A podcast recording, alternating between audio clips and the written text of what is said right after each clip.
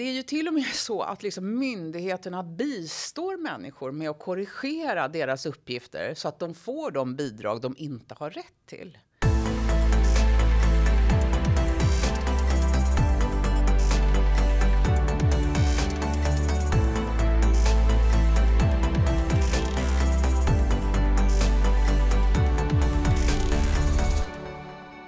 Hanne Kjöller är journalist, författare och sjuksköterska. Hon har varit ledarskribent på Dagens Nyheter och innan dess har hon arbetat på Expressen, Sundsvalls Tidning och Bohuslänningen. Idag är hon aktuell med boken Handbok för fifflare. Välkommen till Uppskattat Hanne. Tack. Vad roligt att ha dig här. Varför skrev du den här boken? Ja, det var ju så att jag hade 2002 hade jag gjort en rundresa i försäkrings Sverige, i socialförsäkrings-Sverige kan man säga. Jag var då i Skåne och blev inbjuden dit och besökte då eh, folkbokföringen, Försäkringskassan och en rad myndigheter som berättade för mig hur fusket såg ut, vilka problem de såg och vad de hade, hade för önskelista till lagstiftaren. Och, och jag, jag trillade ju liksom in i en värld som jag inte visste fanns.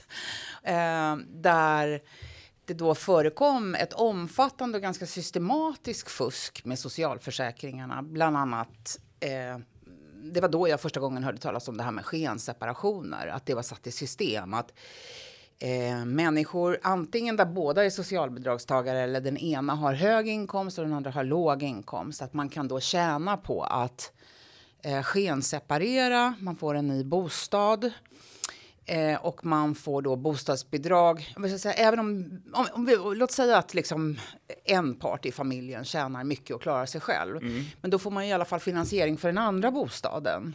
Och eh, om man då också växlar med att ha barnen hos sig så måste storleken vara, eh, bostaden vara av en viss storlek och så vidare. Och eh, det här berättade ju då, då träffade jag, då hade man redan i Skåne sådana här fuskkontrollanter som åkte ut och liksom tittade på folk. Men de fick ju fortfarande inte gå in i lägenheterna.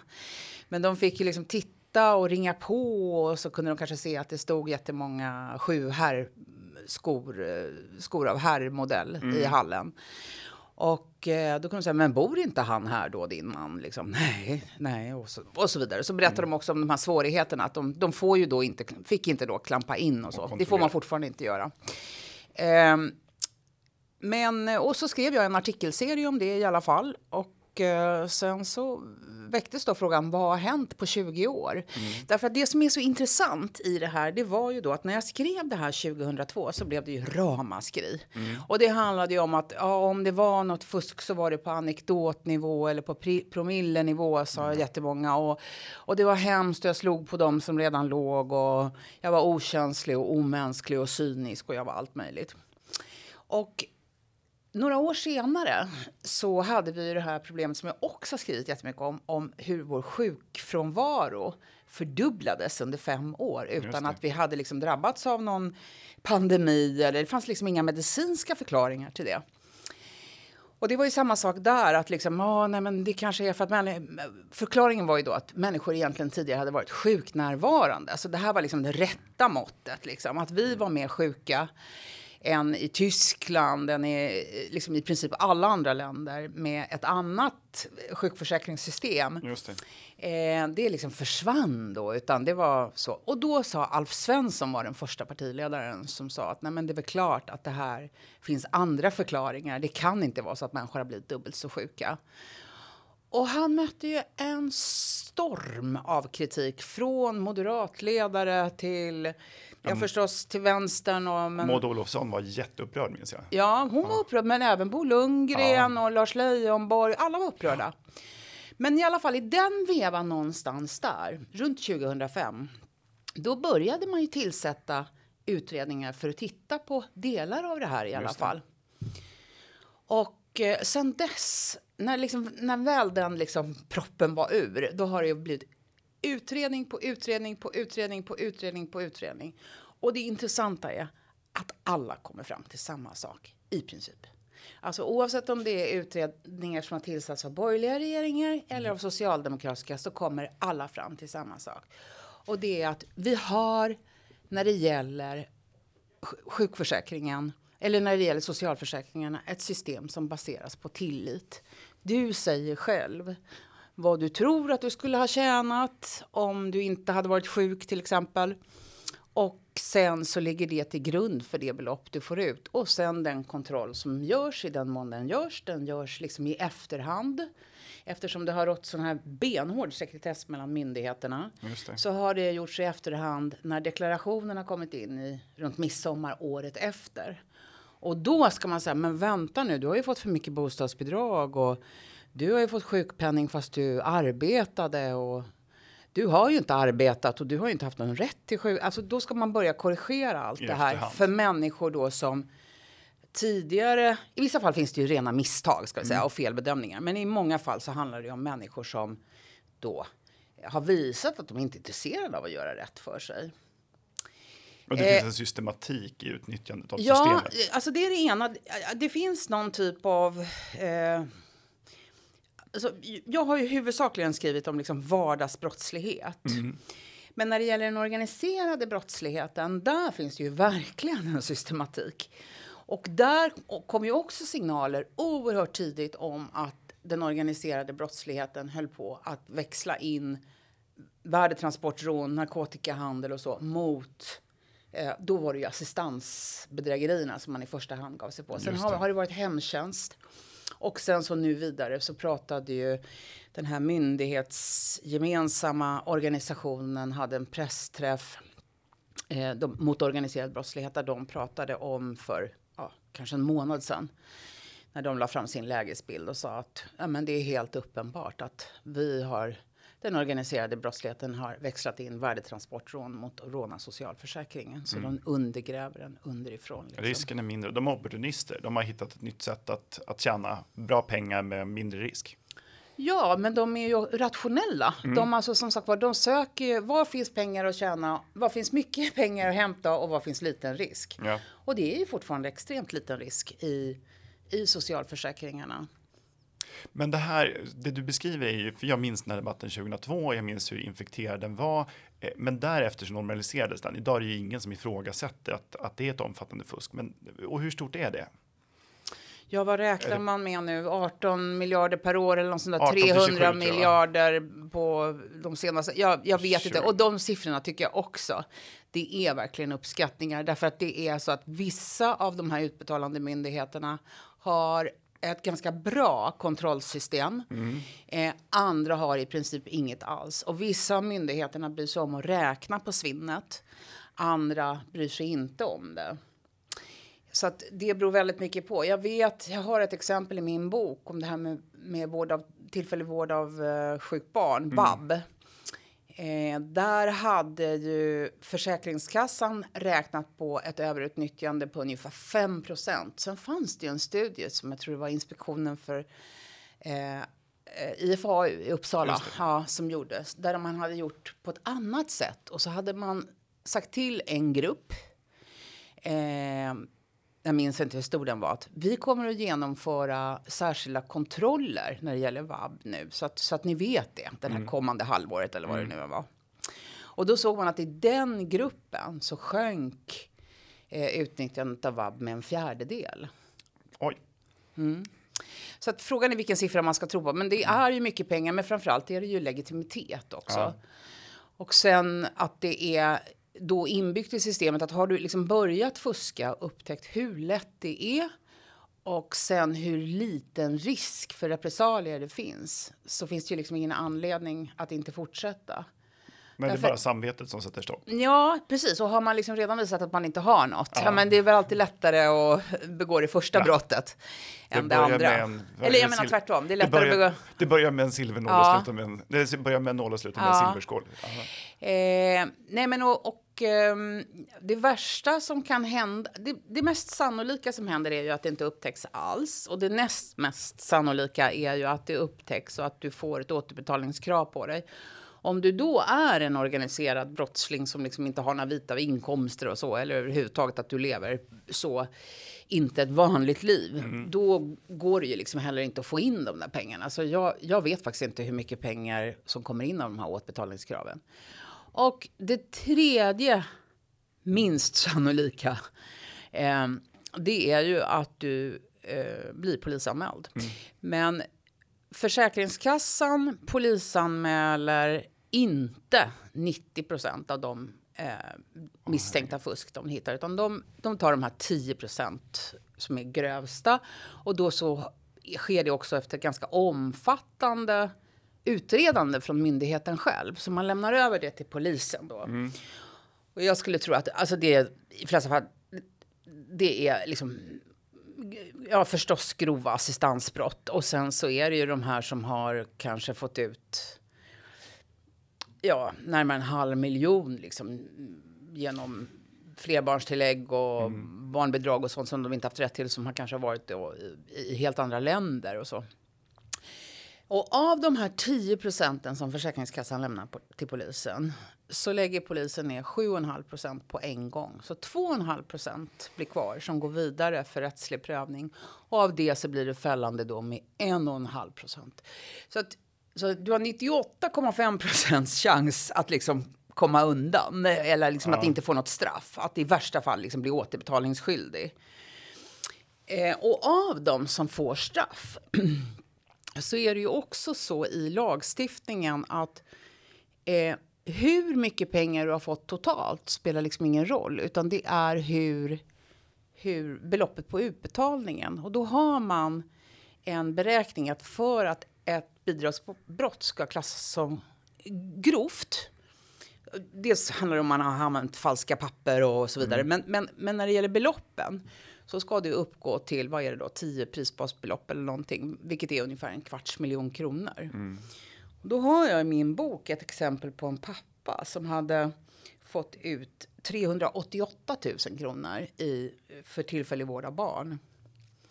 Och 388 000 det är ju mer än en kvarts miljon. Men han har inte fått ut 388 000 i en utbetalning. Och därför blir inte brottet grovt. Då blir det ett brott av normalgraden. Nu fanns det andra försvårande omständigheter för just den här pappan som gjorde att det blev grovt i vissa delar. Men annars så är det så att då blir det ett brott av normalgraden och då handlar det om villkorlig dom och böter. Det är det som händer. Och det ju, har man ändå inte, har man, bö, böter och villkorlig dom är ju liksom inte någonting som avskräcker någon som, som kan tjäna mycket pengar på det antar jag. Nej, och har du böter så, och har du ingen inkomst Så eller spelar så, så spelar det inte så stor roll. Och sen gäller det bara att du inte, ja, villkorlig dom är ju inte, man behöver inte skaka galler kan man Nej. i alla fall säga. Så det är väldigt stor skillnad på att ta 388 000 av en person mot att ta det från allas våra pengar. Ja. Ja, man kan ju säga att det är en viss skillnad mot om du begår ett skattebrott eller så. Ja. Eller till och med bara betalar in fel skatt, alltså för lite. Ja, och det är ju en av de slutsatserna som jag drar Mm. i boken som jag tycker liksom är den viktiga, en av de viktiga eh, diskussionsfrågorna här. Och det är, inte, det är inte bara jag som har sagt det här, utan det här sa man ju tidigare, eh, liksom vid en av de här första utredningarna. ehm, den heter Delegationen mot felaktiga utbetalningar, FUT, som Just det. presenterade sitt slutbetänkande 2008. Mm. Där konstaterar man ju då att vi har ett system när det gäller intag av skatt. Eh, där vi har sagt att ja, men det här är för viktiga saker för att liksom, anförtro individen och skicka in alla papper på eh, liksom, den inkomsten där och den inkomsten där. Och så där. Utan där har vi en infrastruktur så att det där tickar in till Skatteverket. Och sen räknar man ut det och sen så säger man så här mycket skatt ska du betala. Där har man också ett system sedan 70-talet med skattetillägg som är som en typ av bot Ja. kan man säga om man inte gör rätt. Och så får man betala för det då. Medan när det gäller bidragsbrotten då säger man, men här är det tillit som gäller. Vi litar på dig. Du får säga hur mycket du har förlorat eller vad du kommer att tjäna och så vidare. Eller vad din hyra är på. Och så här. Det är väldigt, väldigt tillitsbaserat. Och det finns ingen motsvarande sanktionssystem med ett eh, skattetillägg eller liksom någon typ av brott. Utan oftast är det ju bara att man korrigerar en uppgift om man har blivit påkommen. Och det är också en annan bevisbörda. Så att Pensionsmyndigheten till exempel. Om Pensionsmyndigheten får ett samtal eller ett brev från en kvinna som säger att eh, ja, jag har garantipension eller jag har Ja, jag har garantipension kan vi ta som exempel, som ju inte är pengar man har tjänat in. Nej, utan uh, utan det, det man... är ju ett bidrag. Ja. Det är ju någon form av... Du behöver aldrig ha jobbat en dag. Du kan få Nej, medborgarlön för, för människor Äldre. över 65 ja. eller 66 eller vad det är. Ja. Och då är det så att garantipension fick man ju förut inte ta med sig utomlands överhuvudtaget. Sen har ju EU tvingat på eh, Sverige en, en tillfällig lagstiftning på att man får ta med sig dem i EU-länder. Man får ta med garantipensionen i EU-länder. Eh, men om då den här kvinnan ringer till Pensionsmyndigheten och säger jag bor i Chile, jag skulle vilja att ni satte in pengarna på mitt konto i Chile. Mm. Så säger Pensionsmyndigheten, nej men det funkar inte så för att bor du i Chile så har du inte rätt till de här pengarna. Nähä, säger hon. Nej, utan det är liksom EU-länder och om det är Kanada eller det är något annat. Men jag tror att det är EU-länder. Jaha, okej. Okay. Uh, ja, men då, då bor jag i Spanien, säger hon.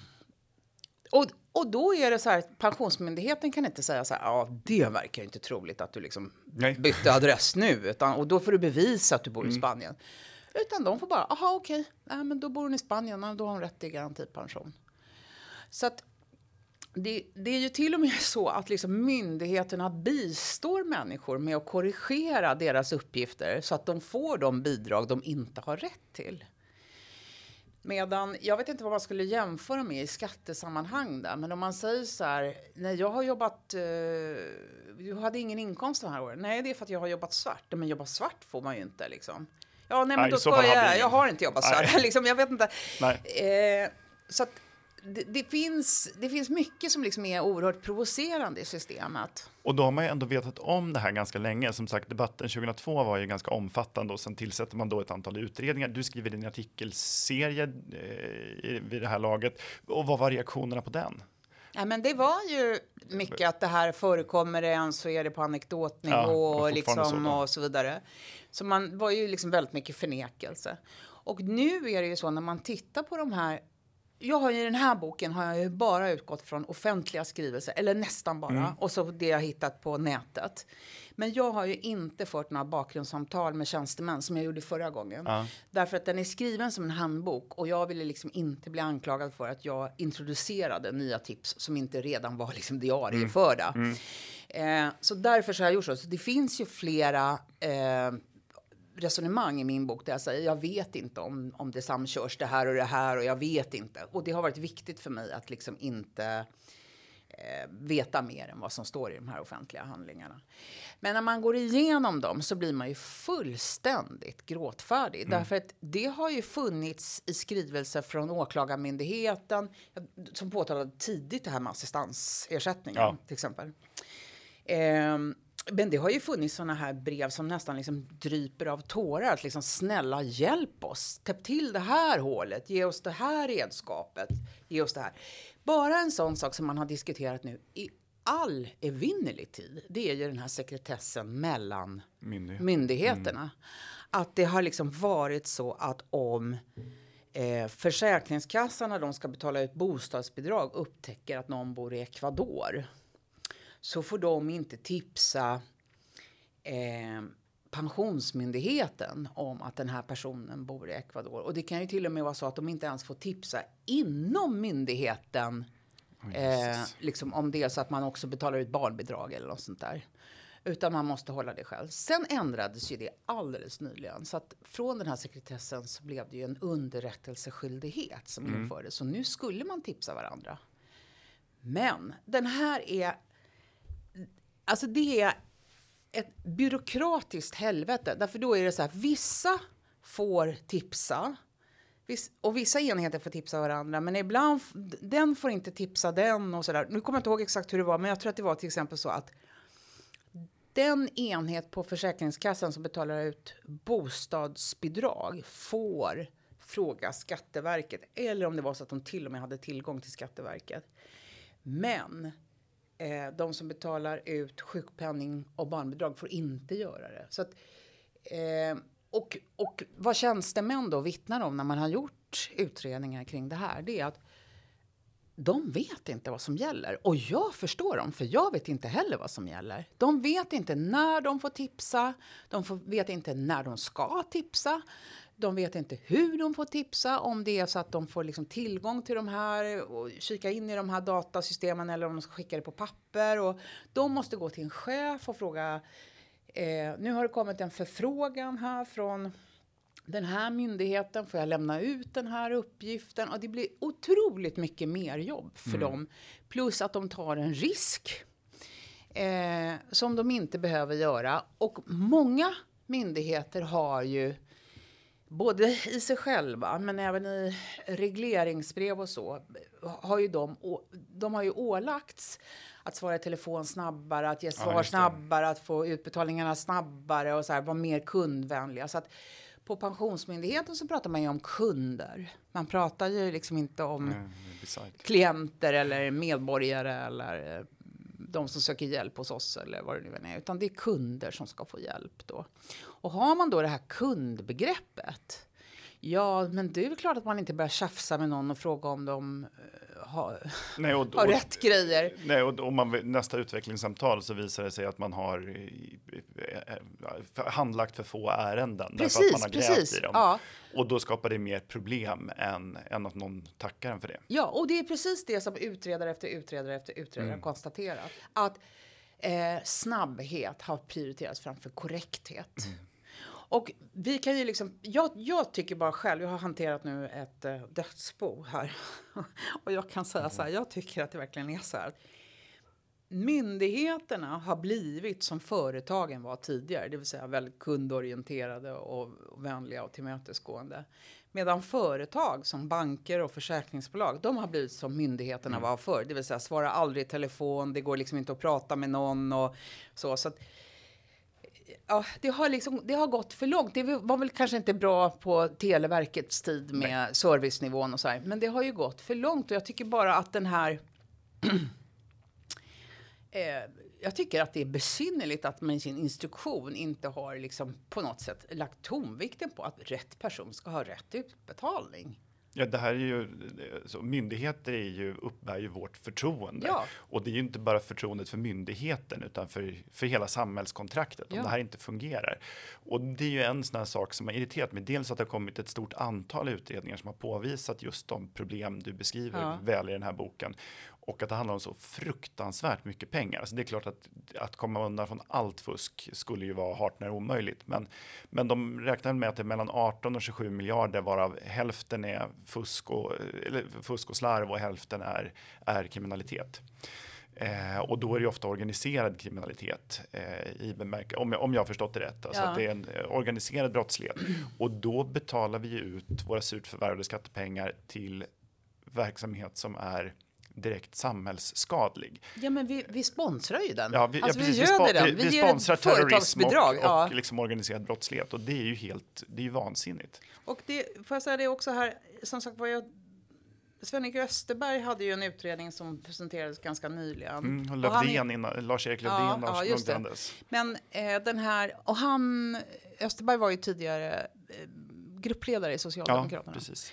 Eh, Alltså han var ju otroligt kritisk på den här pressträffen när han stod med Magdalena Andersson. Och så konstaterade han återigen att man hade missat det här gyllene tillfället som digitaliseringen innebar. För det hade ju kunnat användas för att liksom samköra mellan myndigheter mm. och så vidare.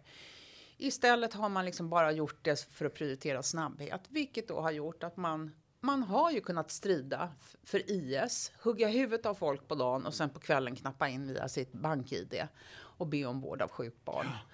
Och fått ut det. De här IS-krigarna har ju varit fantastiska på att liksom råna socialförsäkringssystemet. Mm. Ja, och det är ju helt, det är ju helt horribelt. Mm. Och att det har hänt så lite. Men nu börjar det röra lite på sig, eller? Det har jag inte märkt. Alltså. ja. Nej, jag, det var en pressträff här nu när Magdalena Andersson sa att hon skulle inrätta en välfärdsmyndighet. Just det. Men eh, när jag tittade och letade efter dokument där så såg jag ett pressmeddelande på två sidor.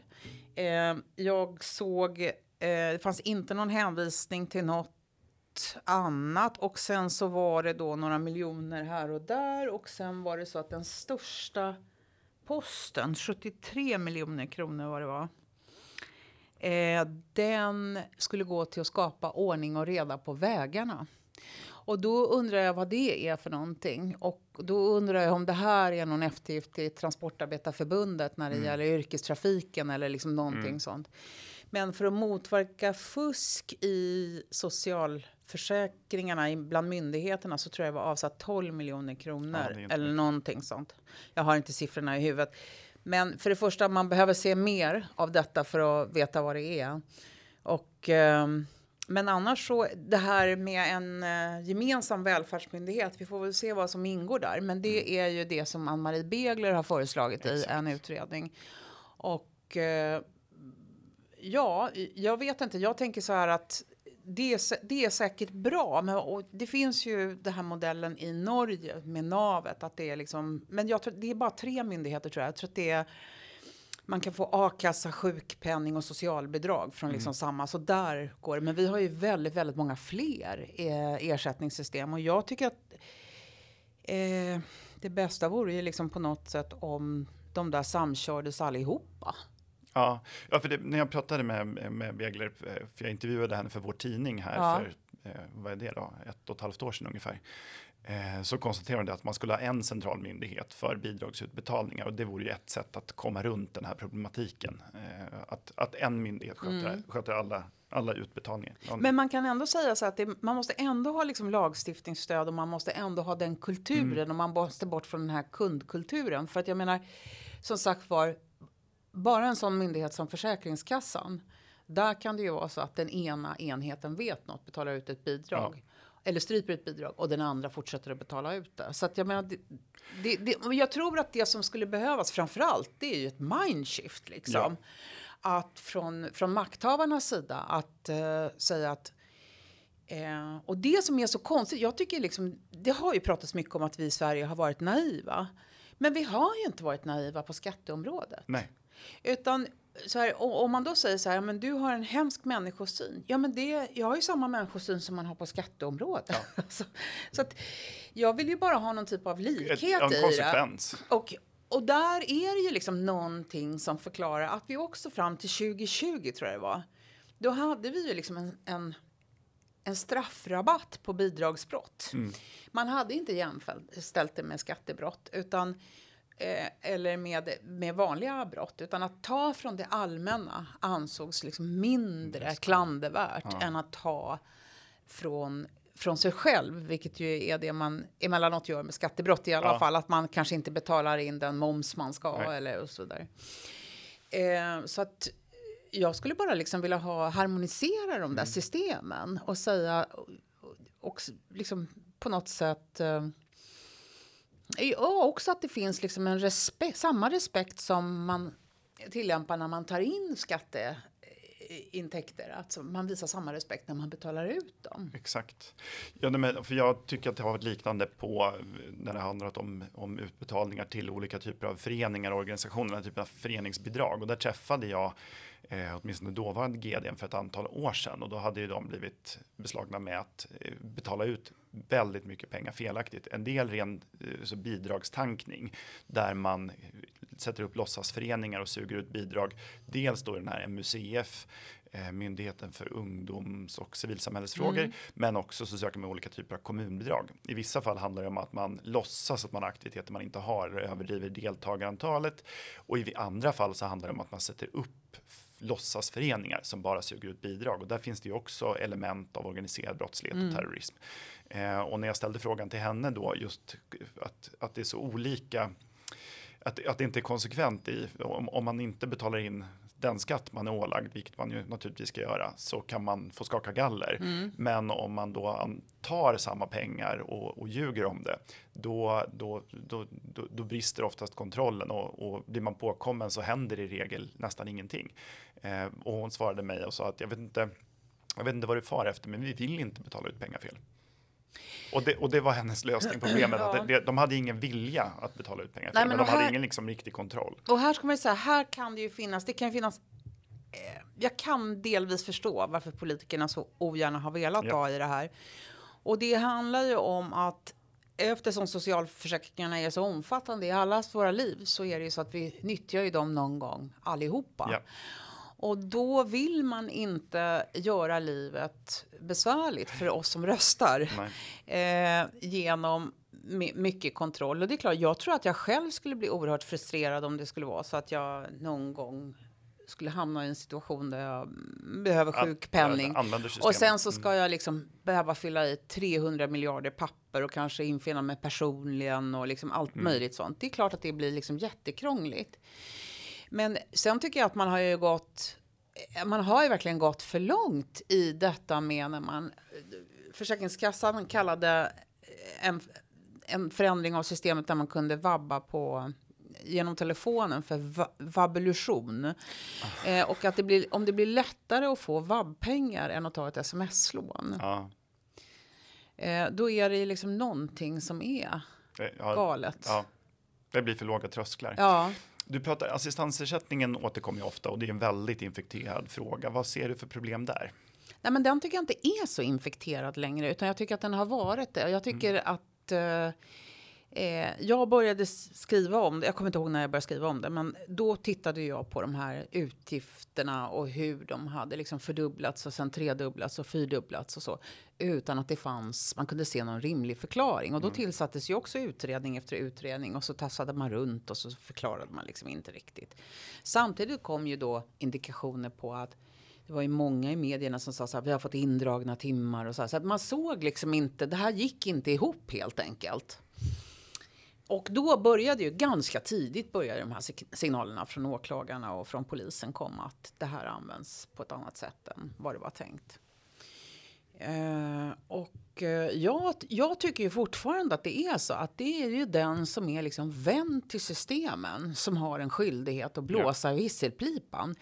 Men på något sätt så liksom i det här offer-Sverige så mm. blir man ju liksom en ovän till systemet. Mm. Utan så att jag tycker att egentligen att det här med fusket i socialförsäkringarna, det borde ju verkligen vara en vänsterfråga. Mm.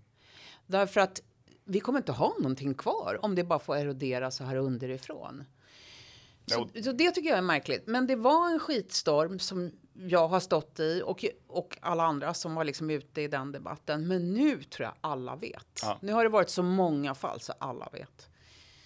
Och det handlar om folk som inte bara att det förekommer exempel då med folk som inte eh, är berättigade till stöd som tar det, utan det, det, finns annan kriminalitet runt omkring. Ja, men Jesus. Alltså, det var ju var det 2018 eller något sånt här, den här myndighetsgemensamma eh, organisationen mot organiserad brottslighet släppte den här som kallades Olle-rapporten. Som ju visade det här med hur man det, var ju, det är ju människohandel, det är sålda arbetstillstånd, det är liksom allt möjligt. Och det är så avancerade upplägg så att man liksom inte ens kan föreställa sig dem. Men där man, eh, man säljer arbetstillstånd till någon som kanske kommer till Sverige som personlig assistent, men inte nödvändigtvis. Och sen sjukskriver sig första dagen. Och då är berett, eftersom vi har ett system till skillnad mot våra nordiska grannländer där vi inte sjukpenningen beviljas inte på historiska data utan på vad du uppger. vad du uppger att du kommer att förlora. Så då kan du liksom få in pengar där. Och blir du då liksom långtidssjukskrivning, ja, då kan du sälja ännu ett arbetstillstånd och så kan ännu fler komma tillbaka. Så, om du, så man kan, man kan få ett finns, arbetstillstånd och sen bli LSS, vad heter det, få, eh, få LSS-peng själv? Ja, alltså, ja, ja, det får du ju inte då. Om du, mm. om du har ett arbetstillstånd och eh, arbetar. Men däremot så var det ju också så att de pratade i den här rapporten om brukarimport. Mm. Det vill säga att du på något sätt får någon typ av rabatt eller du får betalt eller jag vet inte riktigt hur det var. Om du kan komma då som personlig assistent, assistent och jobba åt någon och sen har du med dig ett barn som är funktionshindrat. För då genererar ju det pengar, ännu mer liksom pengar och arbetstillstånd. Men man hittade ju personliga assistenter som aldrig hade som, var, som inte hade jobbat alls. Och man mm. hittar sådana där man har fuskat med pengar. Och, ja, men det, det, det är en sån röra och en sån omfattande bedräglig verksamhet. Så att... och det är så extra upprörande, inte bara att det är skattepengar, utan det här är ett system som avsätts för de allra svagaste och mest skyddsbehövande i samhället. Ja, jag är ju vän till systemet ja. med personliga assistenter. Jag tycker att det verkligen var århundradets frihetsreform. Mm. Eh, men, och det finns ju två typer av fusk. Det ena är ju då det fusket där man simulerar eller överdriver ett funktionshinder. Eh, det var ju en man här nu i, som jag också skrev om, jag tror det var 14 miljoner han Mm. blev eller, å, ålagd att betala tillbaka, som hade flyttat in i en villa. Eh, och de tyckte det var väldigt konstigt eftersom han ju var rullstolsburen och han Mm. behövde ju personliga assistenter för att äta och som allt möjligt så. Ja, men till sist blev ju där en, en, en grej och eh, Försäkringskassan fick ju inte gå in och kolla utan då, det gäller ju liksom att få polisen med på Ja. noterna. Och då hade man ju i alla fall sett när man han hade sprungit på Jula och köpt rullstolsrampar för att installera innan det här anmälda besöket. För man var tvungen att anmäla besök i alla fall. Ja, men det är det ena, de som absolut. simulerar eh, eller överdriver ett funktionshinder. Och sen är det ju de här andra som verkligen har ett mycket, mycket svårt funktionshinder. Kanske omfattande kramper flera gånger per dygn så de behöver assistenter dygnet runt, ibland flera. Och där de inte får det, där man skiter i dem. Men Det är någon unge på 12 år som ligger liksom och krampar mörkt i ett rum på, och sen är assistenterna någon helt annanstans. Så att eh, det är verkligen grisigt. Ja, det är verkligen Mm. riktigt äckligt och upprörande. Ett, ett av kapitlen i boken heter En identitet eller kanske ett par. Mm. Vad handlar den om? Eller det kapitlet om? Ja, det handlar ju om det här som är eh, liksom grunden för hela det här bedrägeriet och det är ju liksom folkbokföringen.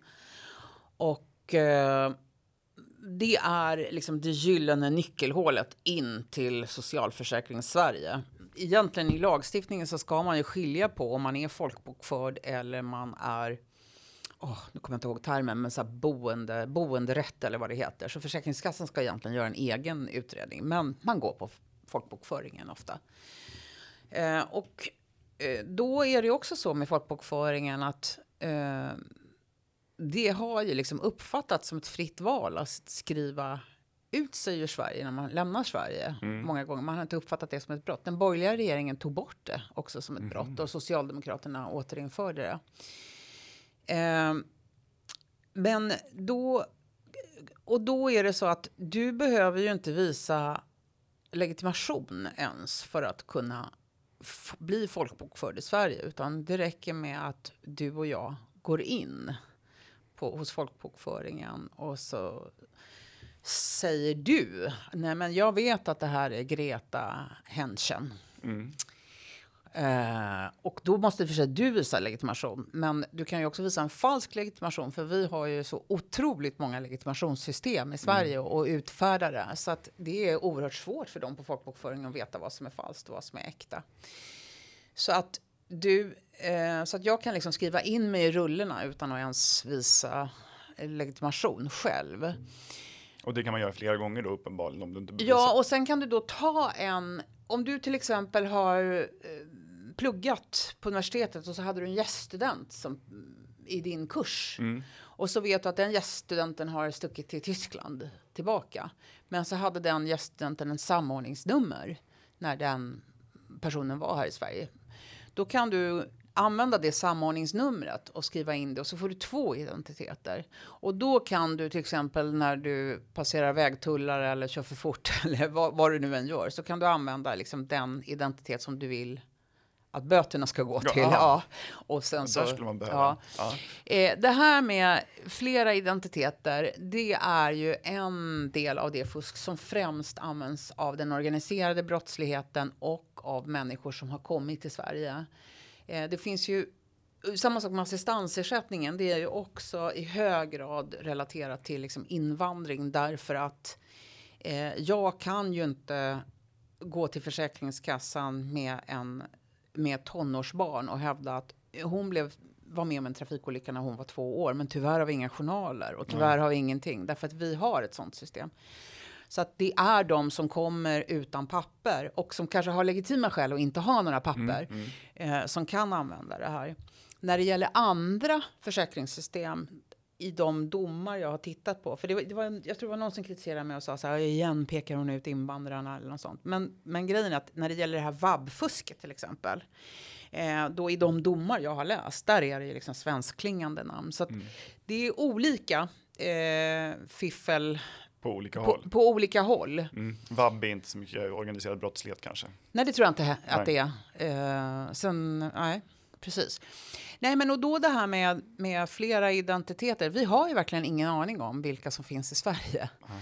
Utan Och det handlar om hundratusentals personer, eller hur? Jag vet faktiskt inte hur många det är. Ja, Jag tror jag har sett en uppgift om att det handlar om, nu minns, jag ska inte säga exakt hur många det var, men jag har för mig att det är ett, ett par hundratusen som man inte, som man inte vet om de finns Ja. eller inte.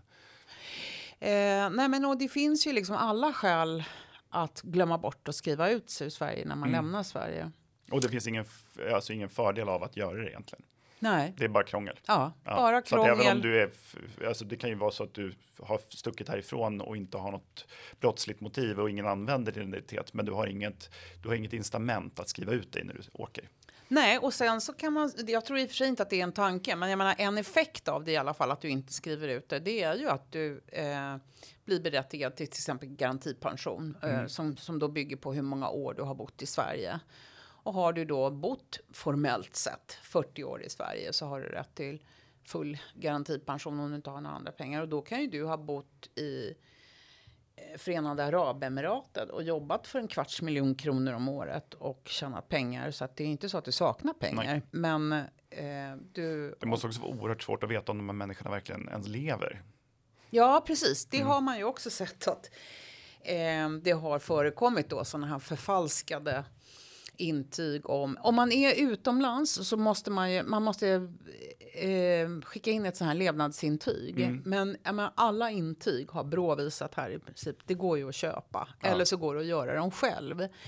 Eh, så det är nästan, jag skriver min bok Tippex så var det någon som läste den som påpekade att det finns faktiskt mer avancerade metoder än så numera. Utan det här kan man göra i datorn ganska lätt och, och ändra, ändra datum eh, i ett levnadsintyg så bara liksom ändra det eh, år efter år efter år. Eh, nej men det finns väldigt många sådana saker som jag, jag tror verkligen att de här tjänstemännen, de är ju liksom förtvivlade över Ja. att de, många är nog förtvivlade. Ja, det finns inte ett ont, uppsåt eh, där, utan eh, det, det, det, man har krav på sig att snabbt handlägga ärenden och vara kundtillvänd. Ja, du får, ingen, granska. du får inget tack för att du har Nej. sparat 30 miljoner kronor till statskassan. Eh, det, det gör man inte. Och, eh, och sen vet inte jag heller hur det är med bemanningen. För att eh, jag kan också tycka att det finns säkert liksom ineffektiva verksamheter. Men det kan säkert också finnas verksamheter där man går på knäna. Och eh, då känns det ju, med tanke på hur oerhört mycket pengar en handläggare hos Försäkringskassan attesterar. Alltså det, måste ju, man, det är inte ens på mellanchefsnivå, det är ju på någon sån högsta Ja, chefsnivå, liksom, hur mycket pengar som rinner genom Ja. deras liksom, kryss i Ja. rutor. Så kan man ju känna att eh, ge dem i alla fall en möjlighet att göra jobbet bra och ge dem också liksom instruktioner om att göra jobbet bra. Och det finns också något demoraliserande i hela systemet när man nu har skärpt vissa skrivningar i regleringsbreven och säger att nej, men ni ska kontrollera, eh, tillsynen ska liksom bli bättre på något sätt. Ja, och då säger man det kanske till Försäkringskassan. Men Polismyndigheten är en självständig myndighet. Så att jag menar, även om Försäkringskassan skulle skicka in dubbelt så många anmälningar, att de bara anmäler 10% av de fall av Mm. bedrägerier de upptäcker där, det är ju för att de fattar att de här 90 procenten kommer ju inte göra någonting inte med. Det är för, för, för låga belopp. Eller som de säger så här, regelmässigt avskrivs ju alla ärenden där gärningsmannen befinner sig utomlands. Det Ja. är liksom för, för bökigt, det skiter vi det ger Mm. för lite. Och det här kommer ju också in till polisens allmänna inkorg med sexuella ofredanden och liksom allt som de ska liksom prioritera där i medan då skattebrott kommer till ekobrottsmyndigheten. Och där har man en egen fil. Ja. Mm. Ja, då har man en egen fil in i systemet. Ja. Så vad borde man göra då? Vad finns det, vad finns det för reformer som, som man borde ta till för att komma till rätta med de här problemen? Ja, men det skulle jag väl kanske liksom vilja att, att vi politikerna liksom börjar erkänna problemet och också kanske erkänna målkonflikten som faktiskt finns med det här med lätta utbetalningar för de som behöver. Men att säga att detta är ett, ett samhällshotande, en samhällshotande brottslighet. Och sen så skriver jag sist, eller på en av de sista sidorna i min bok så skriver jag om det här att socialtjänsten har fått ett instrument som de absolut inte hade tidigare. För de var ju, låg ju liksom helt utanför lagstiftningen. För man sa att de människorna som är hos er, de är så utsatta och det handlar om att bygga förtroende så de ska i princip inte kontrolleras alls. Men de har ju nu fått ett, eh, någon form av eh, datasystem där de kan se om personen har eh, jag tror det var a-kassa, sjukpenning, alltså i princip alla ekonomiska Mm. utbetalningar går in i det där systemet. Sen kan inte det ena socialtjänstkontoret se om det andra socialtjänstkontoret, socialtjänstens pengar går inte in i det där systemet, så de får bara titta. Eh, men de får inte lägga in sina egna och ingen annan får titta i, i det där. Mm. Men och om det används eh, och om det funkar tycker jag det verkar vara liksom ett utmärkt system. Jag är öppen också för en, en eh, för Beglers förslag med en utbetalande myndighet. Men, men jag, jag vet inte om det verkligen är nödvändigt. Det är ju den här eh, det här rivna sekretessmurarna som skulle liksom kunna göra jättemycket och ett ändrat mindset och någon typ av sanktionssystem via, så precis som det här mm, på skatteområdet med en bot istället för att allt ska in i polisens kvarnar och liksom bli nerlagt. Eh, för det är klart att det finns ju också belopp som är så små så att det är, Det är inte inte rimligt nu. att polisen Nej. håller på med det. Eh, men någon typ av liksom sanktionssystem eh, och sen så också det här med att liksom möjligen fundera över det här med omvänd bevisbörda. Det här med att Pensionsmyndigheten ska bevisa att, att jag inte bor i Chile. Mm. När, när jag har sagt att först att jag bor i Chile men sen säger att jag bor i Spanien. De borde kunna Men, intyga det. Alltså hur, hur ska de göra? Ska de skicka spanare till Chile? Eller vad, vad ska de göra? Alltså det är ju omöjligt uppdrag. Och sen en sak som jag har funderat över men som jag liksom inte är färdigtänkt över. Men det är ju också att jag tycker att det är det är ju på något sätt demoraliserande med ett system där jag kan fiffla med vab för 388 000. Möjligen då bli fälld för ett brott av normalgraden som i det här fallet. Sen veckan efter kan jag vabba igen. Ja. Eh, och vi, jag var på en middag igår och då pratade vi om det här. Ja, men och så sa vi så här, men å andra sidan, om man tänker så här att säg att du har fuskat med sjukpenningen och så åker du dit, men sen får du eh, ALS eller cancer. Och, då, och, och så har du liksom någon spärr, någon karenstid på att du får inte utnyttja det här systemet på den tiden. Och då tänker jag, ja det vore ju jättehemskt. Men, men vems är det ansvaret? Borde, inte det, borde man inte tänka på det när man fifflar Ja. med, med sjukpenningen? Att okej, nu gör jag det här. Jag kommer riskera att bli avstängd på tre år från det här. Men vad händer då om jag får liksom ALS eller cancer? Så det är ju den här, eh, det här överansvaret som vi i Sverige Ja. traditionellt har mot medborgarna. Att det liksom är alltid vi, samhället, som ska bära konsekvenserna av att människor har betett sig illa liksom, och inte tagit ansvar. Så att, men, men jag är inte färdigtänkt Nej, på detta. det- Men jag tycker att det är också en sån sak som man borde kunna diskutera. Jag tror, är det inte så nu att man har diskuterat det här med att, att man ska få ett förbud att gå in i en affär om man har snattat där tidigare? Ja, det Någonting sånt. Jag, ja. jag vet inte om, Näringsförbud finns ju. Ja, just det. Men det blir man ju dömd till i en Ja, domstol, är eller sant, hur? det. Men det är motsvarande. Men någonting liksom... Nej, men vet du vad? Du har förbrukat vårt Ja. förtroende för ett tag. Du får visa att du skärper Ja. dig och sen så är du välkommen tillbaka. Just det. När man kan förbruka sitt förtroende från det offentliga sida. Ja. Mm. Men, men som sagt, jag är verkligen inte färdigtänkt där. Men, men eh, jag tycker att det vore liksom intressant att diskutera någon typ av karens liksom, innan man börjar kalasa på det här systemet Mm. igen. Och, När det gäller vab är det ju liksom så också att det är ju så fenomenalt systemet att nu tror jag att det är först på 22 dagen som det krävs intyg och det behöver inte ens vara från en läkare utan det kan vara från en sjuksköterska. Men om du då gör som den här pappan i mitt exempel hade gjort att han friskskrev det ena barnet och så sjukskrev han det andra barnet så han växlade, han gick ju omlott hela tiden. Alltså det är ju...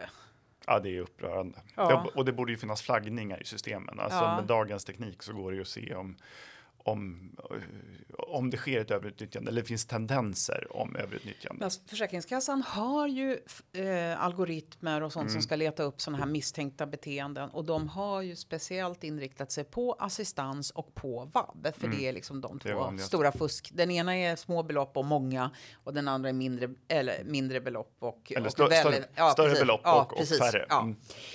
Eh, men, men sen eh, gäller ju då ändå att liksom, om du i princip inte får något straff för utan det värsta som kan hända är att du får betala tillbaka pengarna. Och vi ska också säga det här att med vab att eh, när man pratar om fusk så handlar ju inte det om att jag säger att min unge är sjuk och sen så är vi hemma och har lite längre semester eller vi julbakar och så. Det är inte det som är fusk. Det, det kommer man liksom aldrig komma åt. Utan fusket är ju att jag sjukanmäler mitt barn, får pengar från Försäkringskassan och låter ungen gå till skolan eller till ändå. förskolan och jag går och jobbar. Det är Ja. det som är fusk. Just det, för att folk har halvsjuka eller barn som inte är tillräckligt sjuka eller inte sjuka alls. Det går. Det är väldigt svårt att komma åt. Ja, eller att Ja. man bara helt enkelt tycker att det vore mysigt att ha- en extra ledig Ja. dag. Så de behöver inte ens vara halvsjuka. Borde vi ha en ny folkräkning? Absolut. Mm. Ehm, absolut, av många skäl tycker jag. Eh, och det är också helt obegripligt att det inte har skett. Det är också obegripligt att folkbokföringen inte har tillgång till fastighetsregistret. Fastighetsregistret säger ju att, eller Lantmäteriet säger ju att vi vet var varenda korvkiosk i hela Sverige finns. Ja, men folkbokföringen ser att någon, kanske tio personer är skrivna på Storgatan 10, men de kan inte gå in och se om det är en korvkiosk, en industrilokal eller om det är en villa. Eh, så att, och de, får inte heller, de kan inte heller se om någon är skriven på Sveavägen 66 som är här så kan de inte se var på Sveavägen 66. Så att om, om det skulle vara 30 personer sk- eh, skrivna på den här lokalen så går det liksom inte att se. Utan det skulle kunna vara utspritt på alla våningar. Ja, precis. Ja, det är problematiskt. Eh, vi börjar närma oss eh, programmets slut. Tack så mycket för att du kom hit, Hanne. Och jag vill varmt rekommendera den här boken, Handbok för fifflare, som är utgiven på Fri Tanke förlag. Eh, som är alldeles nyutgiven. Den finns där böcker finns. Eh, Stort tack för att du kom hit, Hanne. Tack själv. Tack för att jag fick komma. Jätteroligt att ha dig här, även om ämnet kanske inte är så uppmuntrande och glädjande.